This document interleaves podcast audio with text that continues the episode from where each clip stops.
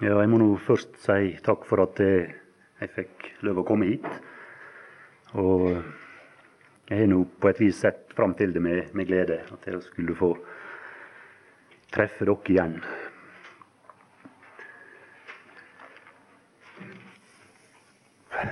Ja, jeg tror jeg må si det først, at det, det, dette her kommer ikke til å bli tre liksom sånn sammenhengende bibeltimer med et stort tema. Men det blir vel heller å karakterisere som en del eh, glimt, en del bruddstykker. Og en del av dem har det samme temaet, og stort sett så kommer vi til å holde oss i Johannes evangelium. Det er sånn at jeg og en del andre har ei bibelgruppe hjemme på Valdrøya som prøver å komme sammen en del fredagskvelder. Og, og også lest i lag i ei god stund nå i Johannes evangelium. Og derfor, når jeg, med tanke på disse møtene, så var det vanskelig for meg å klare å bli rolig for, for noe annet og skal lese ifra det første kapittel og det sjette verset. Det fremsto en mann utsendt fra Gud. Hans navn var Johannes. Han kom til vitnesbyrd for å vitne om lyset, for at alle skulle komme til troen ved ham. Han var ikke lyset, men han skulle vitne om lyset. Det sanne lys som opplyser hvert menneske, var i ferd med å komme til verden. Og så skal vi med det samme lese ifra det åttende kapittelet Et voldsomt kjent vers. Det, er det tolvte verset der. Johannes 8 og vers 12. Atter talte da Jesus til dem og sa, Jeg er verdens lys. Den som følger meg, skal ikke vandre i mørket, men ha livsens lys.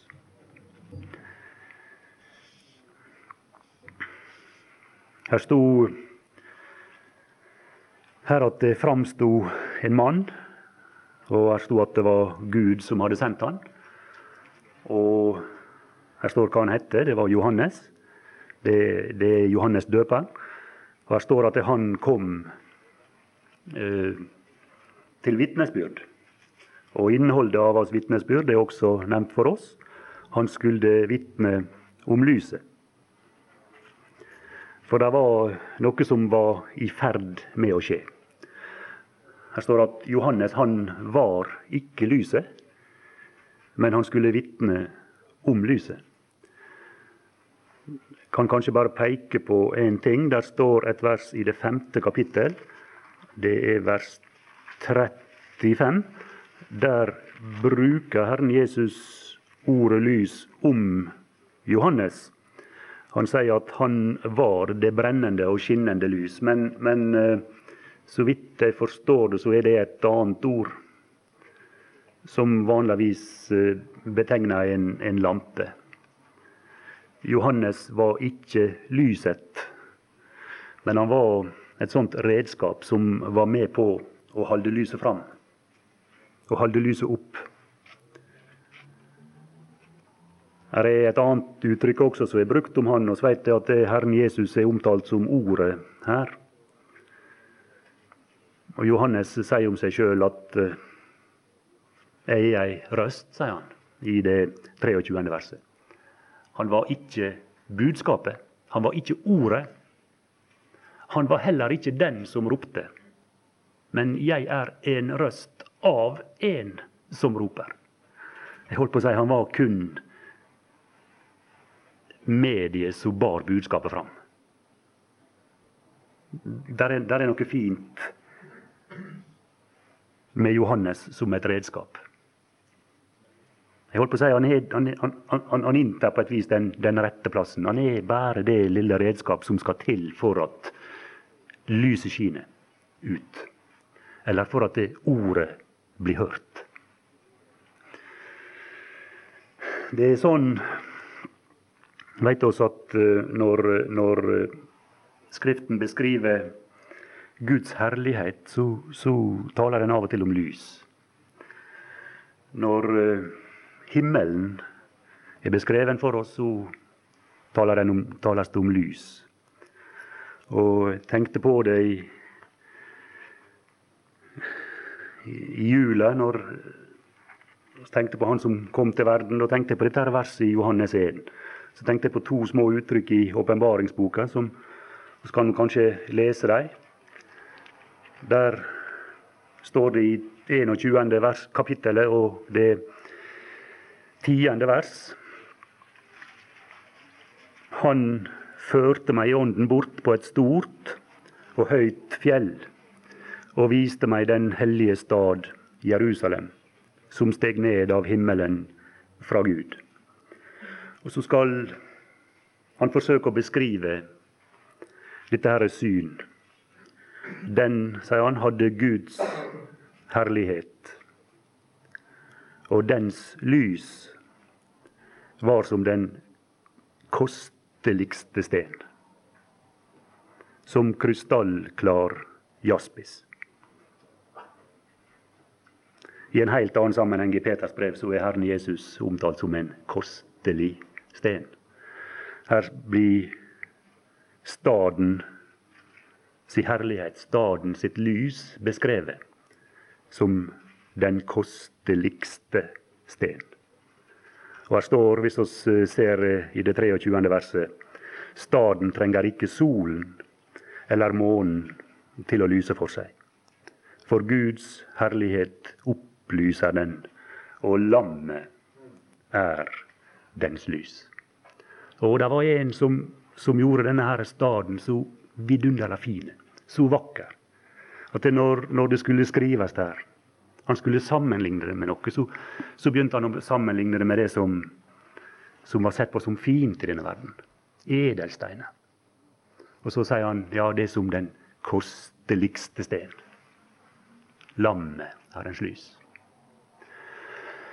Og så var det det som vi leste i Johannes 1 at det er det sanne lys. Han som hadde fylt Han som fylte himmelen, og som skal fylle evigheten med, med, med skjønnhet, med lys. Han sto her, var i ferd med å komme til verden. Og det syns jeg er usigelig godt å lese. Hun skal bla til, skal bla til eh, Lukas 1. Der eh, i forbindelse med døperen Johannes eh, sin fødsel, så blir Sakarias, står der i vers 67, fylt med Den hellige ånd, og han taler profetiske ord. Og han taler om frelse i flere av disse versene nedover. Og det Den hellige ånd let nå sjå, ja, det står i vers 77, eller 76, også du barn skal kalles den høyestes profet, for du skal gå frem for Herrens åsyn, for å rydde hans veier, for å lære hans folk frelse å kjenne ved deres synders forlatelse. Og så får han se et glimt inn i sjølve årsaken til dette her. Og det var Årsaken lå i Gud står her i vers 78. For, sier han, vår Guds miskunnelige hjertelags skyld. Og der var en Gud i himmelen som hadde et miskunnela hjerte. Et miskunnela hjertelag. Og så ga det seg utslag. Og her står at han lot soloppgang fra det høye gjeste oss. Og det var det som var i ferd med å skje. Det var det som var i ferd med å skje. Inni denne mørke, kalde, triste, verden var der i ferd med å stige en person som, som sa det om seg sjøl, som, som oss Las, at jeg, jeg er verdens lys. Her sto at han skulle lyse for dem som sitter i mørke og dødsskygge, for å styre våre føtter inn på fredens vei. Guds miskunnelige hjertelag. Ja, skal han kanskje lese enda et ord i, et ord i Esaias. Det er Esaias 49. Og det sjette verset. Han sier det er for lite at du er min tjener til å gjenreise Jakobs stammer og føre den frelste rest av Israel tilbake. Så vil jeg da gjøre deg til hedningenes lys, for at min frelse må nå til jordens ende. Nå skal ikke jeg si noe om at dette kanskje at det kanskje er en bokstavelig oppfyllelse av dette som enda er framtidige. Men, én ting er i hvert fall sikkert, at det, og der er nådd et lys ifra evangeliet om Herren Jesus til oss, som er av hedensk rett. Og det, det, er så fint når det står 'det er for lite'. Det er for lite. Når jeg leser dette, så, så tenker jeg på, på, det uttrykket i forbindelse med, med påskefeiringa eh, i Egypt, når de skulle gå ut av Egypt, der det står i kapittel 12 i andre Mosebok, og så, det er vel i vers 4, det, der det står at dersom, dersom huset er for lite til et land Det var, det var en, en, mulighet. Det var en mulighet for at lammet var så stort at det, det var mer enn et hus trengte. Ja, da skulle, de, da skulle, han gå til sin nærmeste nabo, og så skulle de ta et, et lam sammen. Lammet for stort, eller om vi vil, huset for lite. Det er for lite at du er min tjener. Og her er, her er, her er en som, som, som, som, Gud i himmelen ønsker. Ja, han ser han oss som stor. Israel var altfor lite for han. Det var et for lite hus. Så vil jeg da gjøre deg til hedningenes lys.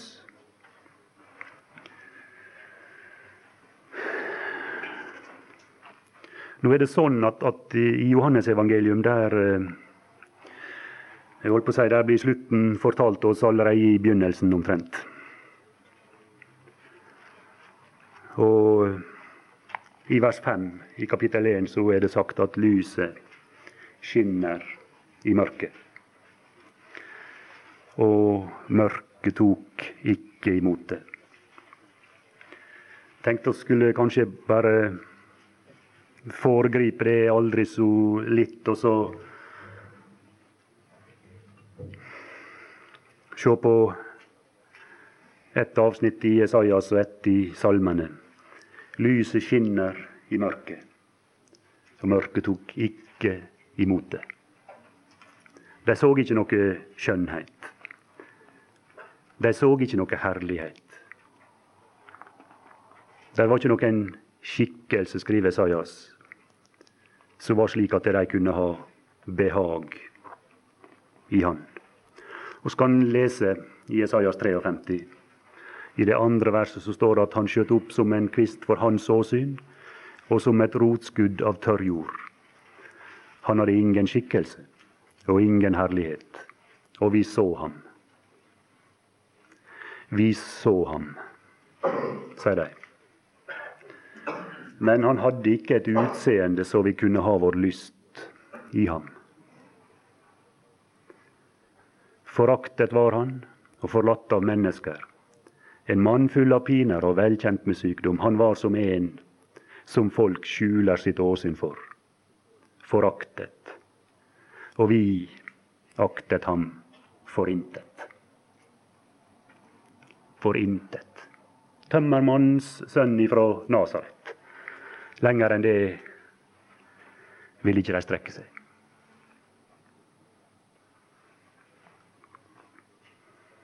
Tenkte på dette her uttrykket 'Han hadde ikke et utseende så vi kunne ha vår lyst i han'. Så skal vi lese fra en salme. Det er sånn at når, når vi leser i evangeliet og i evangelia og, og en, ellers stort sett i, i Guds ord så, å lese om Jesu død og om Golgata og de tinga der, så, så leser oss det da er, det da er det de som var øyenvitne, eller de som så på, som beskriver det. Så beskriver de hva han sa. Så beskriver de hva som ble gjort med han. Så beskriver de omstendighetene omkring det. Men eh, hvis vi går inn i Salmenes bok og leser disse her salmer som taler om hans lidelse, så er det ganske annerledes. Så er det en ganske annen synsvinkel. Da er det han som henger der, som forteller oss noe om hva han opplever når han henger der. Da forteller han oss hva han følte og kjente i sin lidelse. Men ikke bare det. Men han forteller oss noe om hva han så når han så på sine omgivelser der han hang. Vi skal lese litt i Salme 22. Der er dette kanskje spesielt tydelig.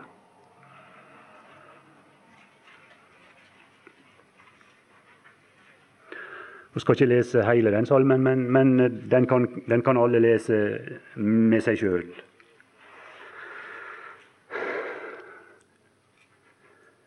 I vers 15. Jeg er utøst som vann. Alle mine ben skiller seg att. Mitt hjerte er som voks, smeltet midt i mitt liv. Min kraft er opptørket som et potteskår, og min tunge henger fast ved mine gommer, og i dødens støv legger du meg. Det var litt av det han følte på. Og så ser han seg rundt. Hunder omringer meg. De ondes hop kringsetter meg. De har gjennombåret mine hender og mine føtter. Jeg kan telle alle mine ben. De ser til. Og så står det ei setning som er voldsom. De ser på meg med lyst. Det, det grøsser litt inn i hjertet mitt når jeg leser denne setninga der. Og jeg satt og tenkte litt på det i ettermiddag. Skal tro om det er den eneste gangen det er sagt at de hadde lyst i han når de så han. I Jesajas der sto det at han hadde ikke en skikkelse så de kunne ha si lyst i han. Men det ser ut som om at når de hadde fått han her i denne situasjonen, og de så det som sånn at ja, nå er vi snart ferdige med han. Nå er vi kvitt henne, denne brysomme. Da så de på med lyst. Da gledde de seg. Han så på ansiktet rundt seg. De ser til. De ser på meg med lyst.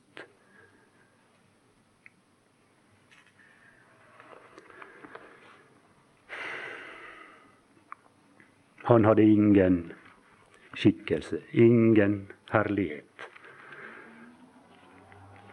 Men eh, jeg holdt på å si det, det var en som sørga for at denne personen slapp å gå som en æreløs mann gjennom denne verden. Det var ikke så mange som bødde seg for henne og ga nå den æra han fortjente. Men, men Peter han sier, og da er det noe helt annet å se.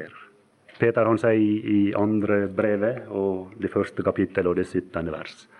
For, sier han, han fikk ære og herlighet. Men han fikk ikke det av mennesket. Av Gud Fader. Idet en sådan røst kom til ham fra den opphøyede herlighet. Og der var en der oppe som så på denne personen.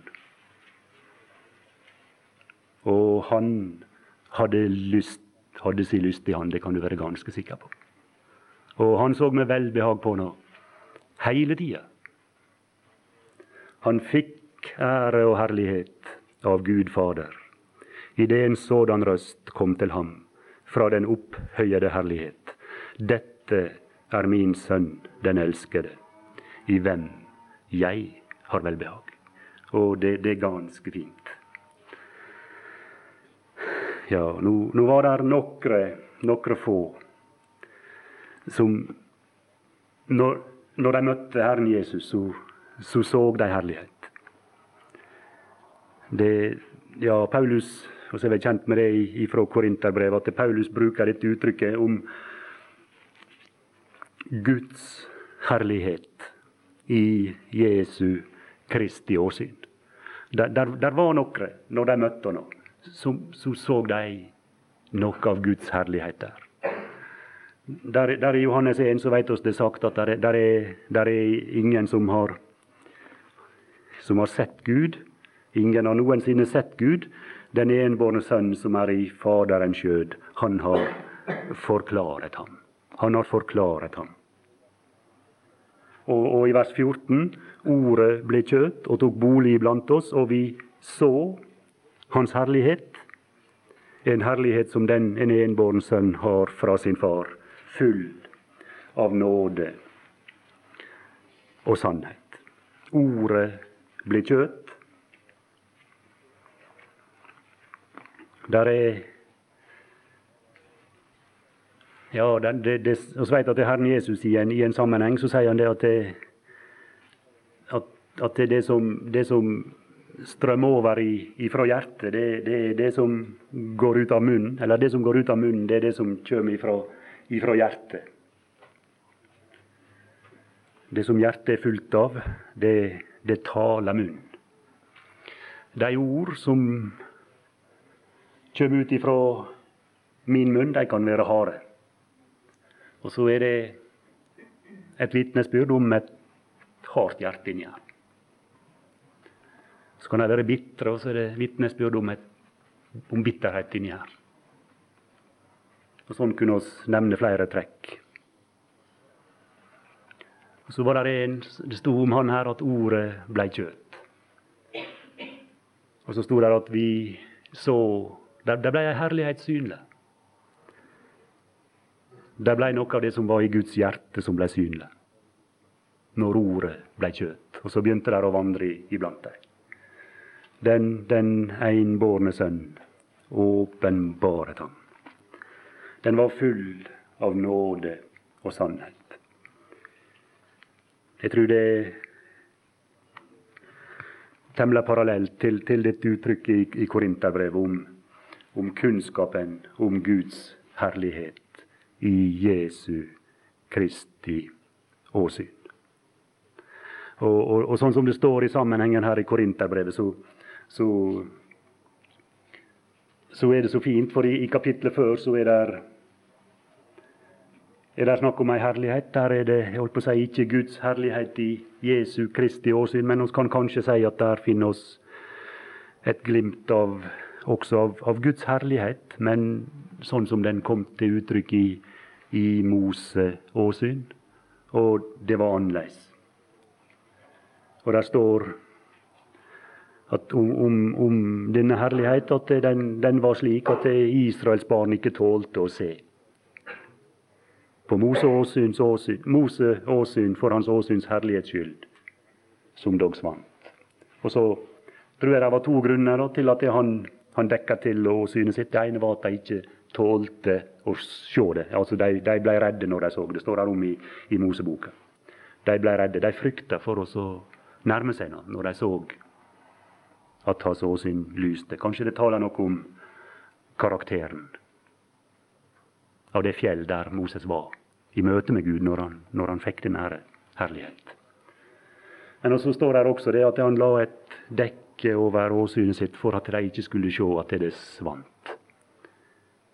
Det var ei herlighet. Den var forholdsvis kortvarig. Og så tok den slutt. Og så kanskje Moses tenkte at nei, det var noe litt trist at dette tok slutt. Og så, og så la han et dekke over ansiktet sitt, og så så ikke de at det tok slutt. Så tenkte de at herligheten var der fremdeles. Og, og han, han, fører det ut da, i forhold til Israel, at de, de de ser bare dette dekket er ennå, og de tenker at det der i den gamle tjeneste er herlighet fremdeles. De er ikke klar over at den er vekke, men, men det, det, kan ikke vi tale om. Men, men, men det som jeg i hvert fall vil si om det, det er at det, det er voldsomt godt å ha blitt opptatt med noe som blir. Når det står om denne herlighet, som, som hadde herlighet i en karakter. Den svant. Det er så trist med alt som er fint bare ei stund. Alt som er herlig bare ei stund. Men så hadde apostelen sett Guds herlighet i Jesu Kristi åsyn. Og så svant ikke den. Den blei der. Full av nåde og sannhet. Og Nå hadde jeg tenkt at jeg skulle lese i lag ei, ei beretning der og ser, i hvert fall ser disse to trekk voldsomt fint. Og da må vi gå tilbake igjen til Johannes evangelium og det åttende kapittelet. Det er ei kjent beretning for, for, oss alle, går jeg ut ifra.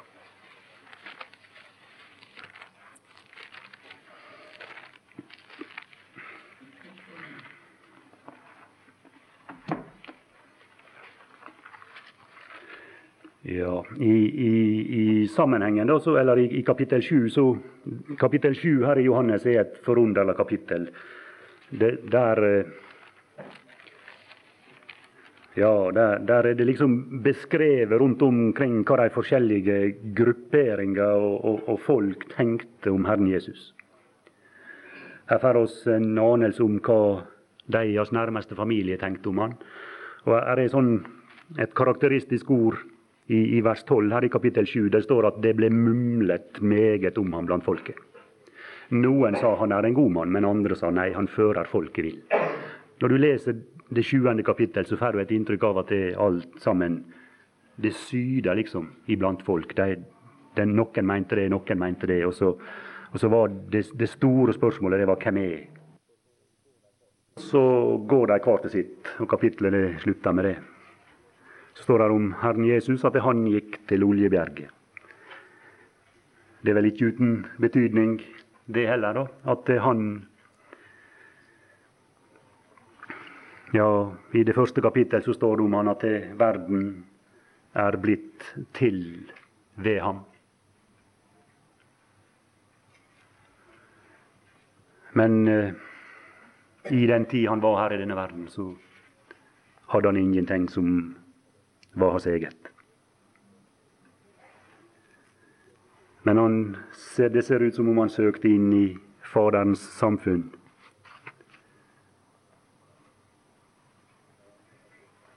De andre hadde sitt som de var opptatt med, som de trekte seg tilbake igjen til.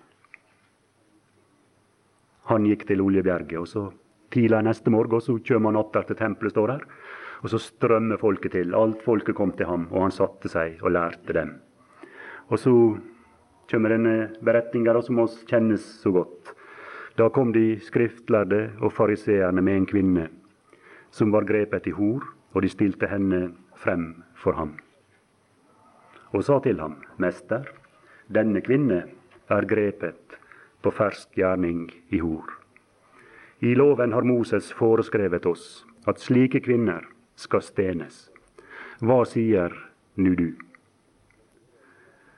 Det var ikke det at de var så bekymra for loven. Men dette sa de for å friste ham, så de kunne få klagemål mot ham. Men Jesus bukket seg ned og skrev med fingeren på jorden. Og da de ble ved å spørre, rettet han seg opp og sa, Den av dere som er uten synd, han kaster den første sten på henne. Og han bukket seg atter ned og skrev på jorden. Men da de hørte det, gikk, ut, gikk de ut. Da de hørte det, gikk de ut, den ene efter den andre. De eldste først. Og Jesus ble alene tilbake der med kvinnen som sto der. Da rettet Jesus seg opp og sa til henne, Kvinne, hvor er De? Har ingen fordømt deg? Hun sa, Nei, Herre, ingen. Da sa Jesus heller ikke, Jeg fordømmer deg, gå bort og synd ikke mer. Og så tar han opp igjen talen. Atter talte da Jesus til dem og sa:" Jeg er verdens lys. Den som følger meg, skal ikke vandre i mørket, men ha livsens lys. Og det var jo det som var problemet for, for denne kvinnen. da, At det, det, hadde vært, det hadde vært mørkt der hun hadde ferdes. Mørkt i hjertet og mørkt i omgivelsene. Og, og da er det vanskelig at det kan bli noe særlig skikk på livet. Og så var det gått så voldsomt gale med denne her. Så var det sikkert sant, det som de sier, når de kommer med henne og, og stilner framfor Herren og sier at denne kvinnen er grepet på fersk gjerning i hor. Så foreholder de Herren Jesus hva Moses sier. Så tenkte de vel som sånn at nå har oss fanga. Nå, nå, nå, kan det skje ett av to ting. Enten så vil han vise seg å være imot Moses.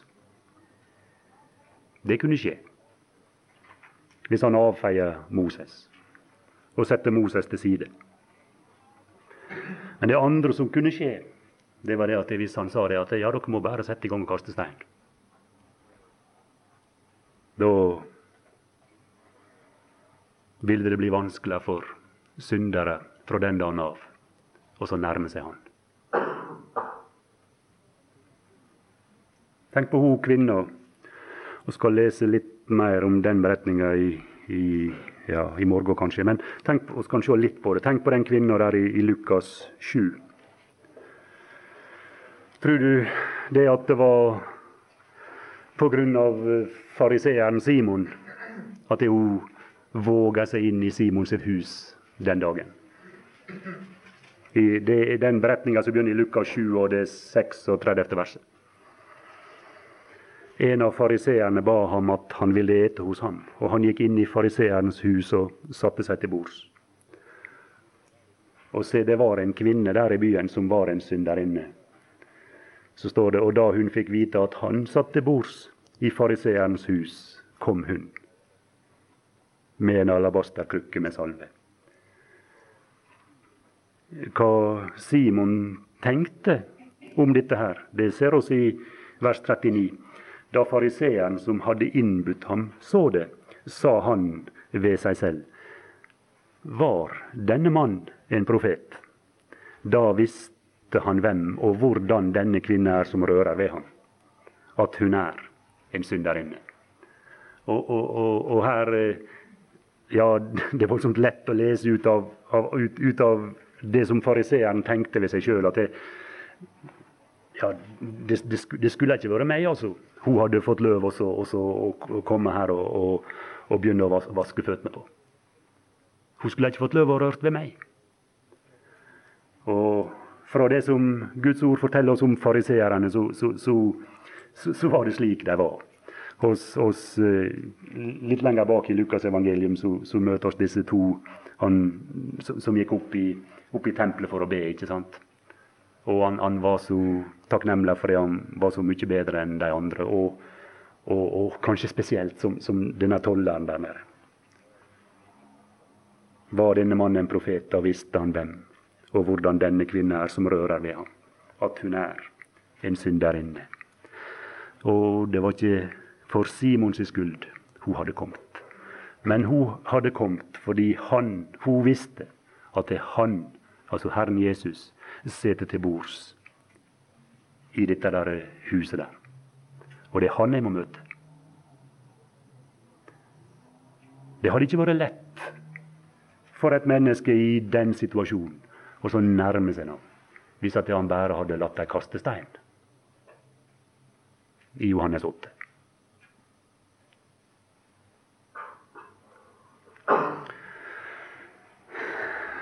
Ja, hva gjør han så? Ja, vi kjenner det så vel. Han, han uh, gjør ingenting for å svekke Moses sin autoritet. Han gjør ingenting, han slår ikke av og sier at nei, det er ikke så farlig med å drive hor. Nei, men han, han sier det at Moses han krever rene hender hos den som skal kaste stein. Og så gjør han noe forunderlig. Denne her, sto om denne kvinnen at hun var grepet på fersk gjerning i hor. Hun sto der, hun, i sin skam, avslørt. Tatt på fersk gjerning. Og så Det hun møter når hun møter Herren Jesus, det er den ene holdt på å si, karakteren i denne herlighet. Hun møter bare nåde. Hun møter det som enhver synder møter når de kommer til Herren. Men så gjør den Herre Jesus noe annet, og det hadde de slett ikke venta. Og det sanne lys som opplyser hvert menneske. Plutselig så var lyskasteren retta direkte på disse her som kom med kvinna. Og så på et vis da, så, så, så ble det deres sak som ble oppe til behandling her.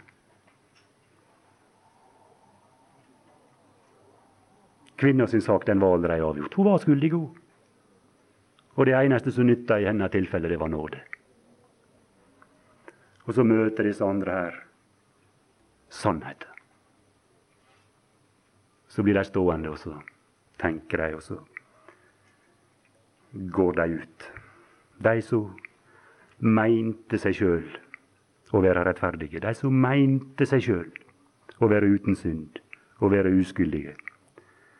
De stender plutselig ansikt til ansikt med det sanne lys, som hadde den egenskapen at det, at det viste dem tingenes virkelige karakter. Så plutselig så, så de kanskje noe de aldri hadde tenkt før. Jeg er ikke uten synd. Og så vet jeg at Herren Jesus, når han beskriver disse personene, så, ja, så, så, så kaller han dem i en sammenheng for, kalka graver. Fine utapå og så fulle av dødningbein og urenhet innvendig. Og så veit om dem at de, de likte å ta seg fint ut. Gå i sideklær la seg hilse når de møttes, møtte andre på gatene. Og de ba lange bønner for å bli sett og hørt av folk. Og, og, og det er ikke måte på hvor fint det var. Men så, så, så kommer Herren med noen sånne karakteristikker. Han sier, etter at han har lista opp alt det fine om dem, så sier han 'som oppeter enkershuset' hus' i, i, der i Lukas. Og han, han så noe som, som de andre ikke så hyklere i et ord. Og dere kjenner sikkert til at uh, på engelsk så heter det hypocrites, og på gresk så heter det hypokritos, tror jeg. Hypokritos. Og, og det var navnet på Ja, det henta fra teateret, det uttrykket. Eh, gamle Grekenland var kjent for sine amfiteater og sine skuespill. og når de som opptrådte der, skulle framstille figurer, personer, så, så ble det laga maske til dem. Som de hadde framfor seg, slik at de kunne gå for å være en annen enn den de egentlig var. Og disse maskene var det som ble kalt for hypokritos. Det var sånn de var, disse her. Det var sånn de var. Så plutselig så er det et lys som lyser tvers gjennom dette. her. Og så blir de avslørt. Og så står det at de gikk ut, står der. Den ene efter den andre. Og Når jeg leser det, så syns jeg det er voldsomt trist. Ja, det er voldsomt trist. For det de burde ha gjort, det var å bli stående der. De burde ha blitt stående. De burde ikke ha kasta stein, nei, nei, men de burde blitt stående der. Og latt seg avsløre. For da ville de ha sett ei annen side av dette her lyset. Da ville de ha sett ei annen side av denne her herlighet. Da ville de også ha sett at det her er sannhet og nåde. Det var en gang for, for lenge, lenge siden oppe i Trondheim. og Jeg var der på et besøk, og da snakket oss om Johannes 4. Det, det, det, er voldsomt mange år siden, det er sikkert over tid. Og eh, om hun, hun kvinna ved, ved Sykars brønn. Og, og tenkte litt på og sa litt om det alt, Jeg sa jeg alltid forundra meg på hva hun tenkte hun kvinna når, når Herren Jesus stiller dette spørsmålet, eller gir henne denne beskjeden 'gå og hent mannen din'. Da plutselig så setter han fingeren med en gang rett på det som var det ømme punktet i hennes liv. Jeg tror Det, virker sånn av samtalen som om, om, om de var kommet så godt i gang. Hun hadde begynt å få tillit til det, og hun var begynt å bli interessert. Så plutselig så setter han fingeren rett på verkebyllen, liksom. Gå og hent mannen din. Men så sier han i neste setning, og kom så hit. Og dette, dette har jeg alltid syntes har vært så uendelig fint. Og hun fikk lov å komme med det som var det verste i hennes liv. Og jeg husker den kvelden når vi ga ordet fritt, så, så sa han Knut Arne det at det, det er godt med det, sa han. Det er aldri farlig å bli avslørt av en som elsker deg. Og det, det, det tror jeg aldri kommer til å glemme. Det er aldri farlig å bli avslørt av en som elsker deg. Og de skulle blitt stående her, disse her fariseerne, og latt seg avsløre. Og så skulle de nok få merke nåde. Du kan være ganske viss, for han elsker deg også. Han elsker deg også. Men de gikk. Lyset ble ubehagelig. Det skein inn i mørket, og så Ja, mørket tok ikke imot og las oss. Det blei ubehagelig, og så kraup de og gjemte seg i ei mørkekrå. Så veit ingenting om hvordan det gikk med denne kvinna. Herren Jesus han sier heller ikke 'jeg fordømmer deg', sier han. Gå bort og synd ikke mer. Nei, det var ikke derfor han var kommet, og Johannes evangelium understreker det voldsomt sterkt. Når han var i verden nå, så var han der ikke i den hensikt å fordømme. Og det forteller han denne her kvinnen. Nå, nå, nå, er det noen som, som, som, eh, Ja, i fjor så hadde oss noen møter hjemme om, om, kristen livsstil og sånn. Og, og, av og til så, så blir han møtt med når, når, når, når, det skal forsvares eh, ja, skilsmisse og, og, og, det som Guds ord kaller for utukt og hor, og sånn, så, så, blir denne her beretning henta fram. Og så, og så, blir jeg minnet på det av, av enkelte at jeg, han, han, sa at jeg fordømmer ikke det. Men, men vi må ha ganske klart for oss at om den Herre Jesus mottar alle, så er ikke det det samme som at han godtar enhver livsstil. Det tror jeg vi må, må, bare innsjå. Og Herren sier 'gå bort og synd ikke mer'. Det var det hun hadde drevet med. Det er det ingen tvil om. Hun sto ikke her som et eksempel på en troende. Nei, nei, hun sto her som ei synderinne, grepen på fersk gjerning i hor. Men hun møtte det som enhver synder møter når de møter Herren Jesus. Hun møtte nåde. Og fra den dagen av så var det forventa at hun ikke skulle synde mer. Men, men, men, men, Guds ord forteller ikke oss noe mer om hvordan det gikk. Men, det er så fint det som Herren sier den, i, i, det verset vi las, at han er verdenslysa. Og der er en mulighet for den som vil følge meg. At de skal slippe å vandre i mørket. Så skal de slippe å få sånne utslag som de har fått for denne kvinna i hennes liv. Skal ha livsens lys. Og nå er, det, nå er, nå er tida vår gått, men, men en bare, bare sier det sånn helt, det, helt kort at det er sannsynligvis en sammenheng også ifra denne beretning til, til hele den utleggelse som kommer i resten av kapitlet. Og kan merke oss at han taler om frihet et stykke ut i kapitlet. her. Han taler om frihet. Frihet ifra synd. Og han sier at det hver den som gjør synd, er syndens trell. Men så er det en mulighet å bli kjent med Han som er Sønnen. Og så bli frigjort. Og så er det en mulighet å få vandre i Hans lys. Vandre la med Han. Og så slippe å vandre i mørket. Ja, Far i himmelen, oss vil komme fram for deg, og så vil oss takke deg for ordet ditt. Takk for at oss alltid har adgang og alltid har mulighet å lese. Og så lest oss